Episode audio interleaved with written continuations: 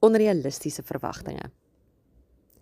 Ek vind my nou reg in 'n interessante situasie waar 'n vriendin of kom ons sê 'n vrou vir my sê, "Karin, ek sal dit graag vir jou doen. Ons was mos mekaar se rug." En vir 'n oomblik staan ek eers vas en ek dink twee keer oor wat presies gesê is.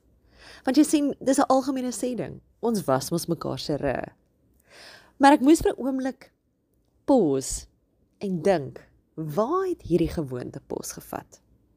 Want wanneer jy vir iemand 'n guns bewys en in ruil iets terugverwag, skep 'n mens geleentheid vir teleurstelling. Doen ons nie? Hoor my uit.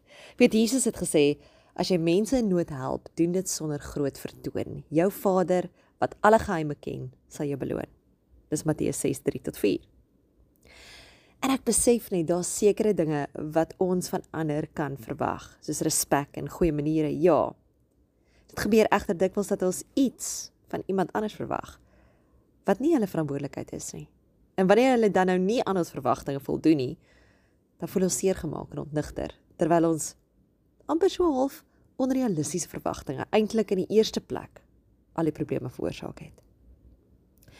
Nou ek weet 'n bekende beraader het eendag gesê baie van ons sit met onvervulde begeertes uit ons verlede.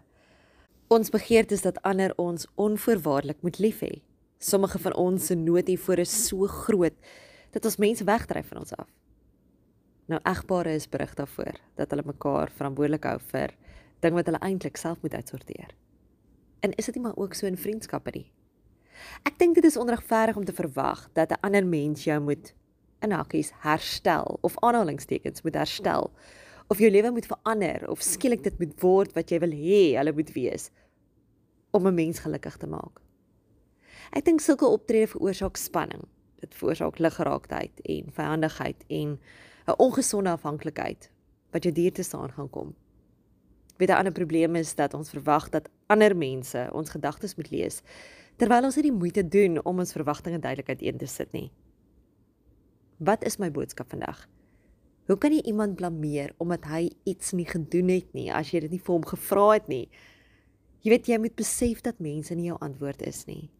God is. As hy verkies om 'n spesifieke persoon te gebruik om jou te seën, sal hy dit doen. Indien nie, dan sal hy later iemand anders gebruik. Ek dink my boodskap is vandag voor die hand liggend. Ondersoek vandag jou denke.